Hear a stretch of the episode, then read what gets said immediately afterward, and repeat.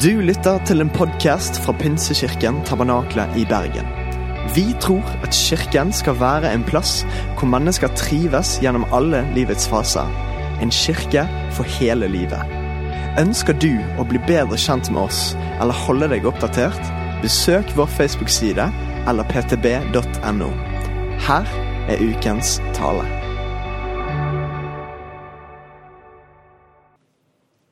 Historien til Inger Marie berører meg og knuser hjertet mitt. Samtidig som den eh, inspirerer meg til å kjempe for gode og sunne familier. Kjempe for gode og sunne fellesskap. Man vet hvor store konsekvenser det er når noe går gale så tidlig i livet. Når noe ikke er sånn som det var ment til å være. Og så vet jeg at uh, fortellingene fra en oppvekst eller fra familie kan være så mange forskjellige i dette rommet. Og jeg ber og håper at jeg skal kunne si noe inn i disse tingene uten å si noe som skaper for mye vonde ting, eller si noe som skaper misforståelse, men et ønske om å tegne et bilde eller ønske om å motivere eller inspirere til dette fellesskapet som vi tror vi ser noen hint av i, og tydelige tanker av fra Gud. Takk, gode Gud, for at du er her. Takk for at du er her med din kjærlighet, og at den gjør oss trygge. Takk for at vi kan få lov til å møte tanker og sannheter om fellesskap sammen her i kveld. Og jeg ber òg om at vi skal få lov til å rydde i ting som har vært, og skal få lov til å sette sannheter på plass og få lov til å avsløre noen løgner. I ditt navn, Jesus. Amen. Amen. Jeg vokste opp i en uh, familie med tre søsken. Vi var fire søsken til sammen. og meg og min storebror hadde en type sånn dårlig avstand på tre år. Som gjorde at, eh, at, vi kranglet ganske mye. Og så hadde vi en sånn fin kombinasjon av at jeg hadde over gjennomsnittet høyt temperament, og han var over gjennomsnittet flink til å terge. Så jeg husker for en gang Vi hadde en sånn runde vi kunne løpe i i stuen som gikk gjennom kjøkkenet. liksom runde inngangen og rundt. Og Da husker jeg fortsatt at jeg løp etter han med den største kniven vi hadde. Og jeg tenkte at jeg hatet han. Jeg husker fortsatt at min mor sa det. Jeg må ikke bruke det ordet, men det var litt den følelsen. For han var så irriterende. Og jeg er sikker på at hvis noen hadde gitt meg valg om å bytte han vekk der og da som åtteåring, så hadde jeg gjort det på flekken. Jeg er glad for at ikke det skjedde. Han er en av mine beste venner i dag. Vi får lov til å gå gjennom livet sammen, og eh, jeg har så mye glede av det forholdet. Men samtidig kan man aldri velge familie. Kan man det sånn egentlig? Man blir på en måte født inn en plass. Og så er det det man har, og man kan på en måte ikke velge det. Historien vi nettopp hørte, forteller om det avviket eller som vi ser at skjer rundt i verden, der man faktisk må til det punktet av å velge vekk. Og Det kan det være at det må man gjøre, og det skal vi snakke sant om. Men vi må først og fremst her prøve å kjempe for at sånn skal det ikke være. Vi må se om det fins noe mer enn den fortellingen vi kanskje ser noen ganger i samfunnet av brutte familier av oppløste familier, eh, som òg handler om familie som fellesskap. Og videre inn i fellesskap som er brutte eller oppløste, eller egentlig ikke er fellesskap, selv om det utgir seg for å være det. Vi har flere fellesskap vi egentlig ikke kan velge. Noen har stresset litt med svigerfamilien som kom på kjøpet. Nabolag du skal være god hvis du klarer å finne ut av helt hvilket nabolag du flytter til, og så er det alltid han ene i nabolaget. Kollegaer eller klassen eller kullet på studiet eller fotballaget. Vi havner i fellesskap som vi ikke har valgt sjøl. Og noen Vi vil jo ofte si at Kirken er som en familie òg. Og så ser vi i Bibelen at det brukes sånne ord som bror og søster. Og vi får beskjed om å elske hverandre inderlig som søsken. Og man bruker disse termene som er veldig godt ment. Og det er egentlig en veldig fin betegnelse, for selv om noen tror de kan velge kirke i forhold til hvilken kirke de går inn i eller går til, så skjønner man plutselig at når Kirken er alle menneskene, så kan man ikke velge kirke heller. Da er det sånn at man samles i et rom med mennesker der det er noen mennesker det er i det helt naturlig ikke så lett å få så god kontakt med. Det kan være man til og med ikke liker hverandre, selv om man går i samme kirke. For å si det som en som jeg kjenner veldig godt, sier jeg liker ikke Kirken, jeg elsker den. For det er ikke alltid sånn at det går an å like alt ved et fellesskap med så mange forskjellige mennesker, men man kan allikevel bestemme seg for å elske den. Og Det er kanskje litt det vi inviteres til som kristne. Av å forholde oss til disse fellesskapene som noen ganger er bare satt for oss på en annen måte enn kanskje noe av den refleksen som ligger i menneskets natur. Du vet, Vi lærer ganske tidlig at hvis vi ser noe som er farlig, så flykter vi. Og Det er en god reaksjon. Det er bra at man lærer det, sånn at man ikke møter noe fare. Sant? Hvis det skulle begynne å brenne, så er det bra å gå vekk fra flammene. Sant? Det er en god ting å lære seg. Samtidig så ser vi at denne fluktrefleksen ofte òg kommer i relasjoner. Og så ender vi veldig ofte opp med i de situasjoner som egentlig hadde hatt mulighet til å kunne bli noe bra igjen. Så flykter vi, og så mister vi den muligheten. Og så fins det de fortellingene der man skal flykte, eller der man skal skjerme seg for noen mennesker. Men vi tror òg at vi må snakke om at det er litt enkelt noen ganger å følge den refleksen av at da holder jeg bare meg litt unna. Da tar jeg bare noen steg til side, og så håper man at det på en eller annen måte går over. Familie og fellesskap utfordres så det holder i vår tid. Det som er grunnkjernen eller kjernesteinen eller byggesteinen i samfunnet vårt, de er ikke lenger så stødige som de kanskje var.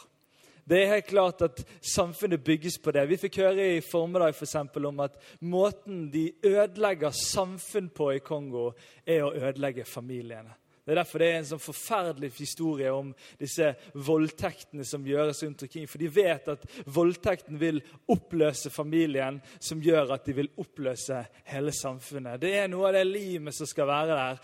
Og så trenger vi å se at det fins noe mer enn det vi kanskje noen ganger ser rundt oss.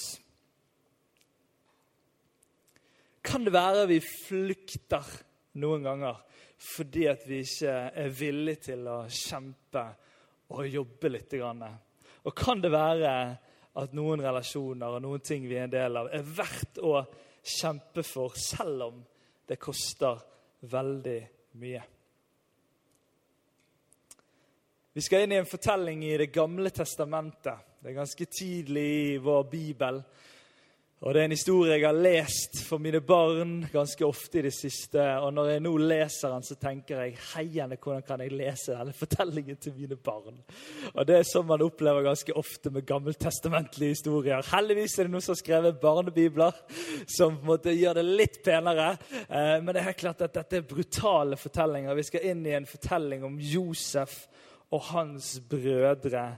Og den er ganske heftig. Men jeg tror den kan si noe om Jeg har lyst til å bruke den også til å si noe om fellesskapene. Og når jeg snakker om familie, så snakker jeg alltid òg om fellesskap. Det er paralleller her om det er fellesskap i det åndelige familien, eller fellesskap som man er en del av, eller om det er kjernefamilien eller storfamilien det snakkes opp. La oss ha de to tingene med oss hele veien her.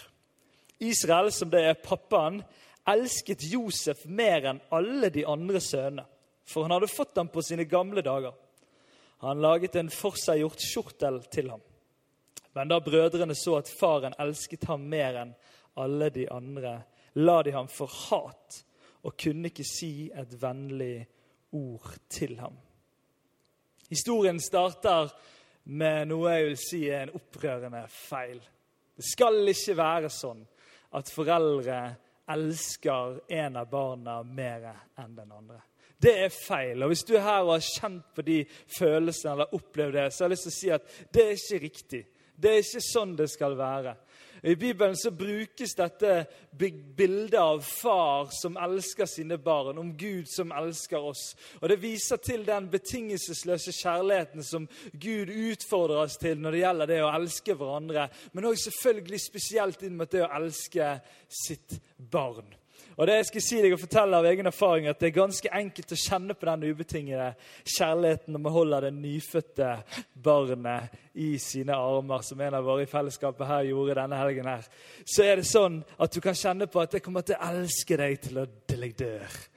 Og så begynner han å dra deg i skjegget etter hvert. Og så plutselig så begynner han å gjøre ting han ikke skal. Og så plutselig så begynner han å velge annerledes enn du ville valgt. Og så fins det en reise der denne kjærligheten utfordres. Og der jeg tror vi kan se til denne ubetingede kjærligheten av at det skal være sånn at man elsker uansett, uansett fortelling. Det er en historie på Facebook som kom fram denne uken her, som berørte meg veldig veldig dyrt, dypt. En i dette miljøet forteller åpent ut om sin reise av å kjempe med sin legning. Som en del av denne kirken opplevde hun at eh, det ikke var plass for den legningen av det hun hadde. Opplevde fordømmelse ikke bare gjennom denne kirken, men ting hun kjente på, la til det som folk sa, og opplevde utrolig mye skam og vanskelige ting ved det. Og Så lages denne videoen med far og datter. Far som har vært en kristen leder i en menighet her i denne byen, som snakker sammen om dette øyeblikket når hun skulle fortelle sine foreldre at hun var homofil. Og Der hun har tenkt så mye på det scenarioet at hun skal fortelle, og tenkt så mye på hva det kunne føre til, at hun til og med går til en venninne sin familie og spør om hun kan bo der hvis hun blir kastet ut når hun forteller det hun skal fortelle. Og så sitter de sammen og forteller om en far som knuses av at hun kunne tenke det og begynner å reflektere over hva er det, hvordan er det jeg har vist kjærlighet. Hvordan er det jeg har vist kjærlighet til min datter? Og så snakker de ut om dette her. Og så tenker jeg at det peker på noe av den ubetingede kjærligheten som vi skal få lov til å både gi og leve i. Og så er ikke det en kjærlighet som sier at alt er greit. Så er ikke det en kjærlighet som sier at, at 'gjør hva du vil, jeg bryr meg ikke'. Det vet vi at det ikke er kjærlighet. Men det fins noe dypere der som handler om uavhengig av handlinger, så elsker man. Fortellingen starter litt skeivt her, og det blir bare verre. Josef drømmer en del drømmer, og i disse drømmene så er det sånn at Josef ser for seg at han er en som alle brødrene bøyer seg for.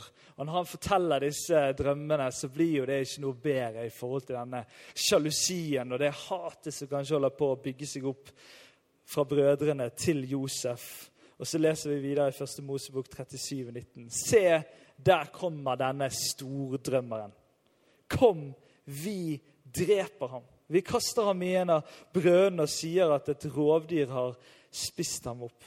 Så skal vi se hva det blir av drømmene hans. Brødrene er misunnelige.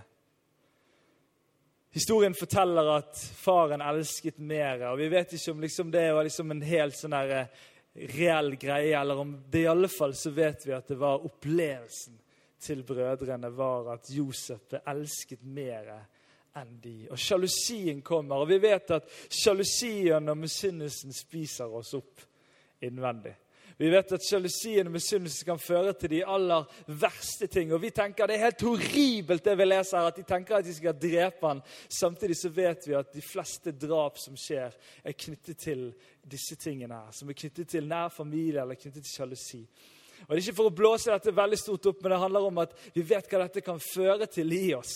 Vi vet hva det kan føre til av hat og av bitterhet og av avstand når man går inn i disse tingene. Og Kanskje har du en fortelling der ikke det at dine foreldre har sagt det på en eller annen måte, men det har kanskje vært en opplevelse. Det skal ikke være sånn. Og brødrene de ender opp med å følge sjalusien, og det fører til en vanvittig greie. sjalusien fører til så mange søsken. Om det er åndelige søsken, eller om det er menneskelige søsken som ikke lenger snakker sammen. Arveoppgjør som går helt gale og splitter hele familier. Og foreldre som mister et barn fordi at det gikk sine egne veier og opplevde at det ikke var plass til de hos de. Så går fortellingen videre. Josef blir ikke kastet i brønnen, men han blir solgt eller tatt opp og solgt til Egypt. Der eh, er det en lang fortelling. Vi må gjerne lese litt denne fortellingen. Det har mange elementer og mange detaljer i seg. Vi har ikke mulighet til å gå inn i det her nå. Men det ender i alle fall med at Josef ender opp med å styre hele dette landet. Og Noe av forhistorien er at han klarer å tyde drømmene til farao, som er den som styrer Egypt. Og der er det klart å forutse en hungersnød eller en sultkrise. Der det er syv gode år, og så kommer det syv dårlige år. Og De syv gode årene så sparer de opp sånn at de skal klare seg i de syv dårlige årene. Og Det er godt ute i de syv år, dårlige årene at denne familien til Josef kommer for å be om mat. Og De skjønner ikke at det er Josef de møter. De skjønner ikke at det er broren som de har liksom sviktet på verste vis de møter. Men Josef kjenner det igjen. Og Det er mange forskjellige lag i denne prosessen, og vi må hoppe helt fram. Men det er klart at lagene i prosessen viser at Josef også trengte litt tid i møte med sin familie til å komme fram til det vi ser her i første Mosebok 45. 1-7. Da klarte ikke Josef lenger å legge bånd på seg for alle som sto omkring ham. Han ropte, 'La alle gå ut herfra.' Dermed var det ingen andre med ham da Josef lot brødrene sine få vite hvem han var. Han brast i gråt, så høyt at egypterne hørte det. Faraos hus fikk høre om det. Så sa Josef til brødrene sine, 'Jeg er Josef. Lever far enda?' Men brødrene kunne ikke svare ham, for de sto skrekkslagne foran ham.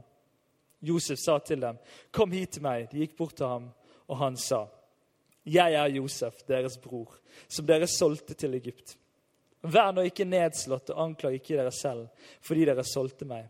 Det var for å berge liv at Gud sendte meg foran dere. I to år har det vært hungersnød i landet, og i enda fem år skal det verken pløyes eller høstes. Men Gud sendte meg i forveien for å la dere bli en rest på jorden, slik at dere skal leve og mange bli berget. Det er i denne lille fortellingen og den store fortellingen om Guds folk som det pekes mot her på slutten.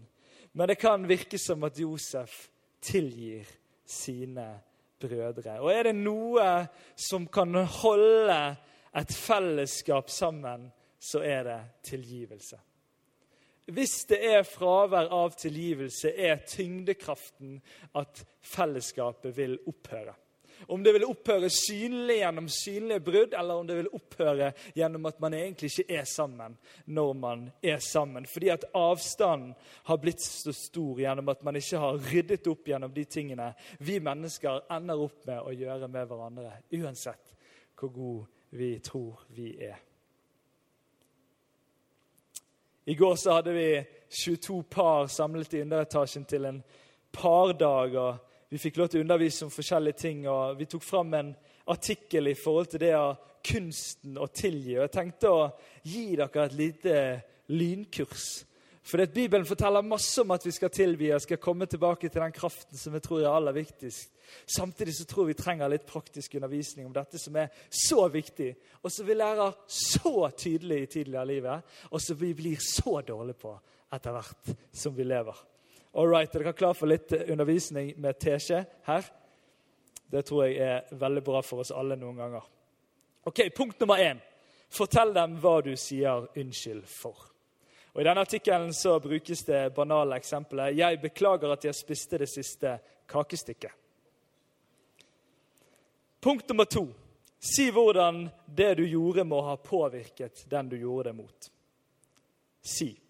Jeg vet hvor glad du er i kake, og at det er en viktig del av kveldsrutinen din å sette deg ned med et kakestykke i godstolen. Så jeg skjønner, skjønner veldig godt at du blir lei deg for det. Og så kommer det 'ikke si'. Men jeg forstår ikke hvorfor du tar det sånn på vei. Det var jo bare et kakestykke. Det hadde gått helt fint for meg hvis du tok det siste. Punkt nummer tre. Si unnskyld Uttrykk din anger uten at du får det til å handle om deg sjøl. Hvis du begynner å rakke ned på deg sjøl, oppmuntrer du den du sier unnskyld til, til å støtte deg istedenfor. Det tar vekk kraften fra unnskyldningen. Si 'Unnskyld, jeg angrer skikkelig på at jeg tok kakestykket ditt'. Ikke si 'Åh, unnskyld, det er så typisk meg å gjøre sånne ting'. 'Jeg er så dum og ubetenkt som jeg er en forferdelig kjæreste'. Punkt nummer fire. Si det du skulle gjort istedenfor, og det du skal gjøre i fremtiden. Si neste gang jeg ser at det er et kakestykke igjen i kjøleskapet, så skal jeg ikke ta det, men la det være igjen til deg. Jeg skjønner det nå. Ikke si ja, ja, det var dumt av meg, det her. Jeg skal prøve å skjerpe meg. Punkt nummer fem. for dere. Altså, Dette er lett stoff om alvorlige, dype ting. Skjønner dere? Jeg vet ikke om det er pedagogisk lurt. Anerkjenn reaksjonen deres. Si 'Nå ser jeg at du er sint'. Det forstår jeg veldig godt, for jeg gjorde noe som såret deg. Ikke si 'hallo', ikke vær sint med deg. Jeg har jo sagt unnskyld.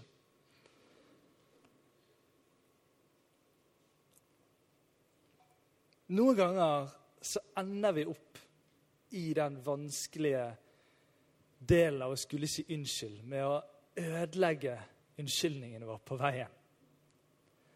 Og Det kan være så enkelt, og det kan være så utrolig liksom, fristende å skulle si at ja, men det var jo litt din skyld òg, som en del av unnskyldningen. Og Det kan være så utrolig fristende å innta offerrollen og skulle få den andre parten til å synes synd på deg sjøl. Kanskje vi blir verdens beste på å tilgi? Kanskje vi øver oss på det?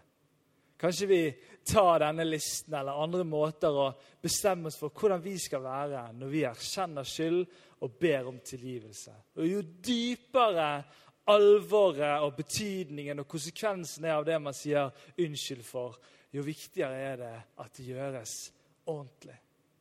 Ja, jeg tror at hjertet kommer fram, og jeg tror det er viktigere at man prøver på det enn at man feiler i det. Men la oss ikke bli sånne som ender opp med en sånn halvveis greie i det hele. Vi kan så fort komme med så mange fine ord om at alt skal bli så mye bedre. Jeg hørte en helt nydelig setning som utfordret meg veldig her i en lydbok, der jeg på engelsk sa You cannot talk yourself out of something you behaved yourself into. Altså, Du kan ikke snakke deg ut av noe som du oppførte deg inn i. Vi vet at kraften i tilgivelse forsvinner litt hen når vi gjentar de handlingsmønstrene som vi ber om tilgivelse for. Derfor så trenger det å være i tilgivelsen et ønske om å endre handling i neste runde, selv om vi vet at vi noen ganger kommer til å falle igjen. Og så kommer det som jeg klamrer all min tillit og ønske om i forhold til tilgivelse. Det er kraften i å tilgi fordi at jeg er tilgitt. Av en tilgivelse som, som går forbi alt jeg noen gang kan møte noe annen plass. Den tilgivelse som handler om at han har tilgitt meg. Og så utfordres jeg til å tilgi andre på samme måte som han har tilgitt meg. Og Det står i Efeserne 4,32.: Vær gode mot hverandre, vis medfølelse og tilgi hverandre, slik Gud har tilgitt dere i Kristus. Vi snakket mye om dette første delen av denne serien, og det kommer litt tilbake til det. At vi er syndere som trenger tilgivelse. Og det er helt nydelig å hente kraften der til å få lov til å være med og tilgi andre. Og Der det veldig ofte handler om at det vi har fått tilgitt, er virkelig så stort i forhold til det vi noen ganger blir utfordret til å tilgi andre med. Og Så ser vi i denne fortellingen at Gud bruker en helt forferdelig fortelling til noe bra. Og Det er en ganske stor spenning i det å forholde seg til en Gud som gjør noe i historien. Det er den uh, uh, usikkerheten noen ganger om har Gud skapt det vonde for å gjøre noe bra ut av det, eller gjør han det noe ut av det onde som mennesker helt på egen hånd klarer å skape, til å gjøre noe bra. For det er klart at I fortellingen her så handler det om at hele familien til Josef overlevde pga. denne fortellingen. Og at hele Israels folk fikk en mulighet inn i Egypt og videre innover. Det er en lang fortelling. Eh, men, men det er helt klart at Gud bruker denne fortellingen. Her tror vi noen ganger må forsone oss med at vi ser ikke hele bildet, men at vi har en Gud som uansett hvor gale fortellingen er, så kan han gjøre noe bra ut av det. Bibelen er full av eksempler på det at man, han snur en helt håpløs situasjon til å gjøre noe helt fantastisk eller noe helt utrolig bra. Og Det er noe av det vi tror på, og så må vi av og til være i møte med hva er meningen med denne ondskapen, hva er meningen med det vonde som skjer. Og Det er ikke alltid at vi skal komme med at alt har en mening, for vi forstår at meningsløsheten er stor i en verden fullt av mennesker som gjør ufattelig mye dumt imot hverandre. Tilgivelse er en av kjerneverdiene i fellesskapet. Jeg har lyst til å løfte fram noen flere til deg, fordi at vi vet at familie og fellesskap er komplisert. Først og fremst fordi at du og meg er komplisert. Og Hvis du tar sånne som du og meg og putter mange av oss i et fellesskap, så blir det selvfølgelig komplisert. Og Det er ikke sånn at et fellesskap betegnes av hvordan alle liksom er med hver alle et, et, fellesskap betegnes av hvordan jeg er med en annen enkeltperson i det fellesskapet. Hvordan sånne enkeltrelasjoner fungerer. Så betegnes fellesskapet eller kulturen eller det man tenker om et fellesskap. Det handler om enkelte relasjoner, der, hvordan man behandler hverandre. Og Derfor har jeg lyst til å ta fram noen par verdier som jeg har bygd mye på de siste årene, og som, eh, som jeg har lyst til å gi til dere. Det første er relasjonelt mot. Og Det handler om å tørre å ta den samtalen som man vet gjør litt vondt når man tar den. Det handler om å tørre å ta den samtalen som man vet at når man tar samtalen, så kommer det kanskje til å bli litt verre med en gang, fordi det er så mye spenning i det man tar opp. Men man vet at når man tar opp det og klarer å nå opp i det, så fins det en lang rekke videre av noe veldig, veldig, veldig bra. Det relasjonelle motet til å orke, til å ville, til å tørre. Det relasjonelle motet til å si til mennesker hva de trenger å høre, og ikke bare hva de vil høre. Du vet at Vi er et samfunn der vi hele tiden er sånn opptatt av å bekrefte hverandre på alt folk sier. Så, ja, ja, ja, ja, ja, ja. Det, det, er nesten så vi liksom blir helt vill på det. Der. For vi liksom skal, nei, nei, nei, men det går helt fint, dette her. Og jeg, jeg, det litt grann når jeg har holdt på med et litt sånn dristig husprosjekt. Der folk sier nei, nei, nei, det går kjempebra. Det, det, det. Så jeg sånn, ja, men det er dristig greie. Noen må fortelle meg at dette er litt og Så har jeg noen mennesker som sier sånn Hva er holder på med? har du tenkt deg skikkelig om på dette? Greiene? Og vi trenger sånne mennesker som sier det vi trenger å høre noen ganger. Jeg syns Trygve Skau sier det veldig fint i en sang der han sier han vil ha mennesker rundt seg som, eller folk rundt seg som holder han våken når han kjører. For ikke det er litt sånn typisk at Når vi kjører her i livet, så på en eller annen måte så, så sovner vi litt hen, og så endte vi plutselig en plass der vi ikke hadde tenkt å være. Og så trenger vi mennesker i livet som tør å si hei, det er ikke her du skal være. Du skal jo være her inne. Jesus er en sånn type. Han har denne vanvittige kombinasjonen av tydelighet og kjærlighet som er umenneskelig, fordi han var litt umenneskelig. Men jeg tror det fins noe i det, og det handler rett og slett om å ransake seg sjøl før man går til noen og snakker. Går jeg til denne personen nå for å i bakgrunn av kjærlighet og ønske om noe godt for dette mennesket, eller er det en annen motivasjon som ligger inni meg? Det er så lett for mennesker å avsløre hva som ligger bak. Hvis det ligger bak en tanke om å ta noen eller sette noen på plass, så vil den samme samtalen oppleves veldig annerledes enn når det er kjærligheten som ligger i bunnen. Min opplevelse er at bønn er utrolig viktig når man skal gjøre sånne samtaler som man vet ikke er de letteste. Tillit er andre verdien, eller tredje verdien dette. Og og det er ønsket om å forstå og ikke misforstå. Du vet at Når vi hører at en person har gjort noe La oss si at dere hører at André har gjort noe. da. Det er meg. Og så er det sånn at, at dere hører at André har gjort noe, og da har man et filter å høre det igjennom. Og, og det filteret kan være sånn som dette ah, men det er jo André han er jo en helt vanvittig bra type. Så det kan ikke være sant. Det må finnes en annen forklaring. sant? Det kan være ett filter. Det er tillit. Og så andre filteret det kan være litt sånn, ikke mistillit, kanskje, men man liksom sånn der man hører denne fortellingen om det som har skjedd, og så tenker man sånn her, Det er så typisk han der. Jeg visste at han egentlig var sånn som det der. Disse filtrene er ofte knyttet opp til tillit. Det er ofte knyttet opp til om man har bestemt seg for å ville tro det beste om mennesker, eller om man liksom har egentlig en litt sånn her, at ja, nå venter jeg bare på at det skal gå gale, dette greiene her. Det er noe som heter relasjonell konto, som jeg har fått en veldig stor forståelse av. Spesielt i lederskap, men òg i relasjoner. Det er at Hvis jeg skal kunne være nært innpå et annet menneske og kunne snakke inn i livet til dem, og kunne bety noe for dem, så trenger jeg å bygge en relasjonskonto som handler om at den personen vet at jeg vil det beste for han, sånn at når vi kommer til de type tingene, så ønsker den å forstå og ikke misforstå. Når det kommer til de tingene der de hører noe om meg, så ønsker de å finne en forklaring for hvorfor dette ble sånn, og ikke bare gripe etter det som kanskje er den første refleksen som mennesker har, at han har gjort noe dumt mot meg eller mot noen andre. Ønske om å forstå. Og Denne relasjonelle kontoen den trenger tid. Jeg husker en gang jeg hadde en jeg ledet, og vi, vi drev og kranglet noe voldsomt inne på kontoret. Og jeg tenkte sånn, heiende, hvordan skal dette her gå? Og så, tenkte, så fikk jeg plutselig et tips fra en annen leder om at du må ta han, du, ta han liksom på en fjelltur eller et eller annet. Finn på noe gøy sammen. Bli litt kjent. Kanskje dere ikke kjenner hverandre så mye. Og Vi tok, gikk på fjelltur, og vi fikk ordnet opp, og vi gjorde så utrolig mye bra sammen i mange år. Fordi at vi skjønte eller i hvert fall jeg skjønte at her må vi ha litt mer relasjonskonto. Fordi at denne personen utfordrer meg litt. Og da trenger man masse av det. Denne relasjonskontoen må bygges. Den må jobbes med, den må investeres i, den må kjempes for, og den må brukes tid på. Siste verdi er to verdier i ett, men jeg hadde lyst til å ta de sammen. Det er tålmodighet og raushet. Fordi tålmodighet og raushet det gir hverandre tid og rom. Vi trenger tid til å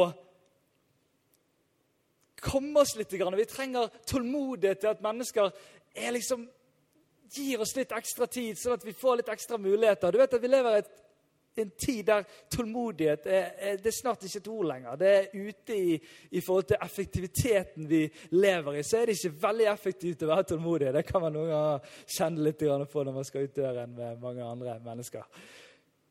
Tålmodighet trenger vi. Vi trenger alle at mennesker er tålmodige med oss. Vi trenger at noen andre mennesker senker sitt tempo for å gå sammen med oss i noe og være tålmodige i møte med oss. Og så trenger vi rausheten at Der vi ikke alltid blir hakket på hele tiden, eller ikke alltid blir liksom, pirket på hele tiden, men der vi trenger en litt raushet som gir litt rom for at ja, nei, det går bra, dette, det ordner seg, det går fint. Jeg skjønner at ikke du mente det sånn. Vi trenger dette.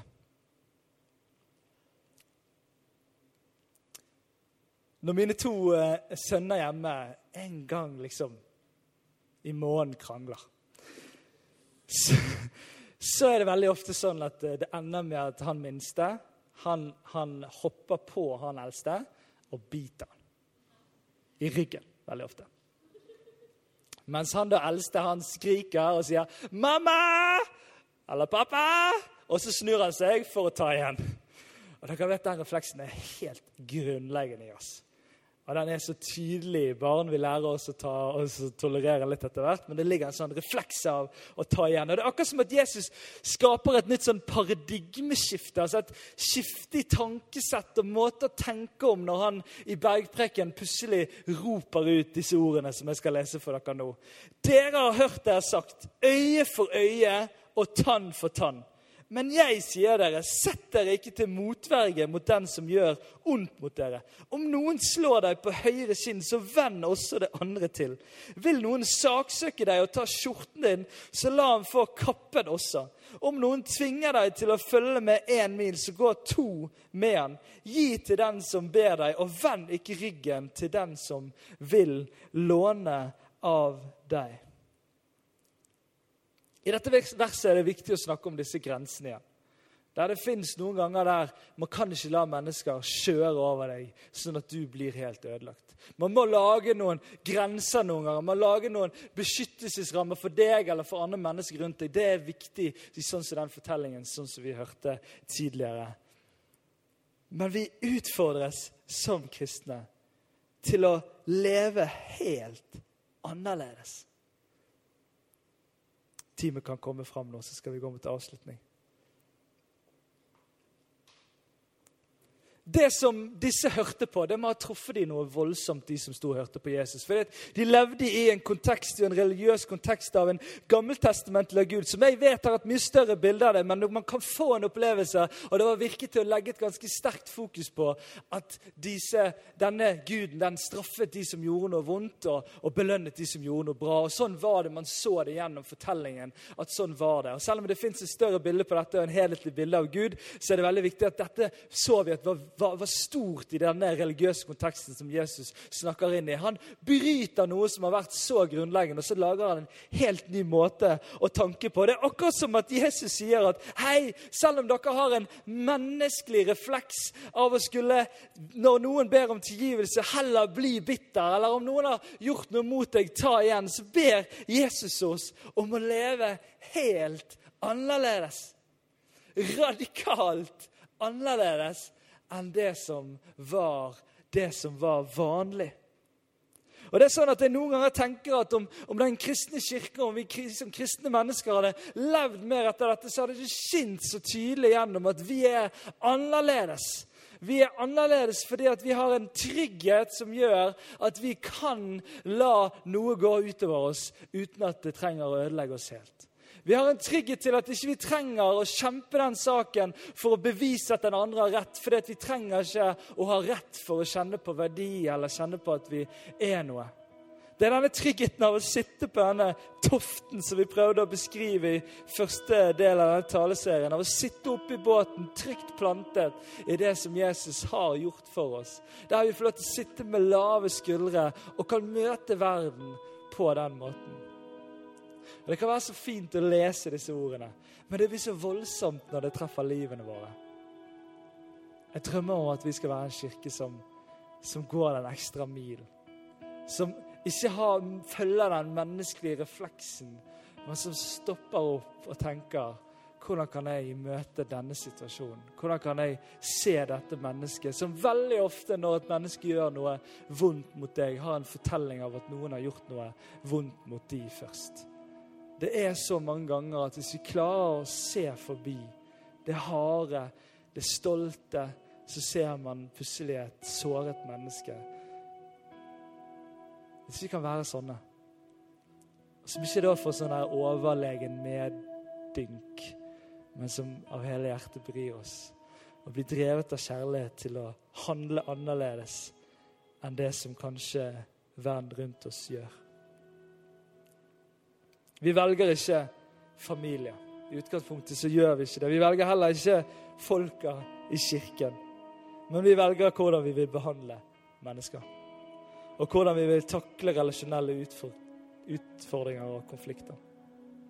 Disse byggesteinene tilgivelse, tillit, mot, raushet og tålmodighet kan være sånne byggesteiner som gjør at vi kan bygge sterke, sunne og gode relasjoner. Om det er til søsken eller åndelige søsken, om det er til et fellesskap man bor i nå, i et bofellesskap, eller om det er i en annen setting, så kan vi være annerledes. Vi lever i et annet tankesett. Et så stort annerledes tankesett at det kan betegnes som et paradigmeskifte. Det er ikke lenger øye for øye og tann for tann. Skal vi reise oss opp sammen?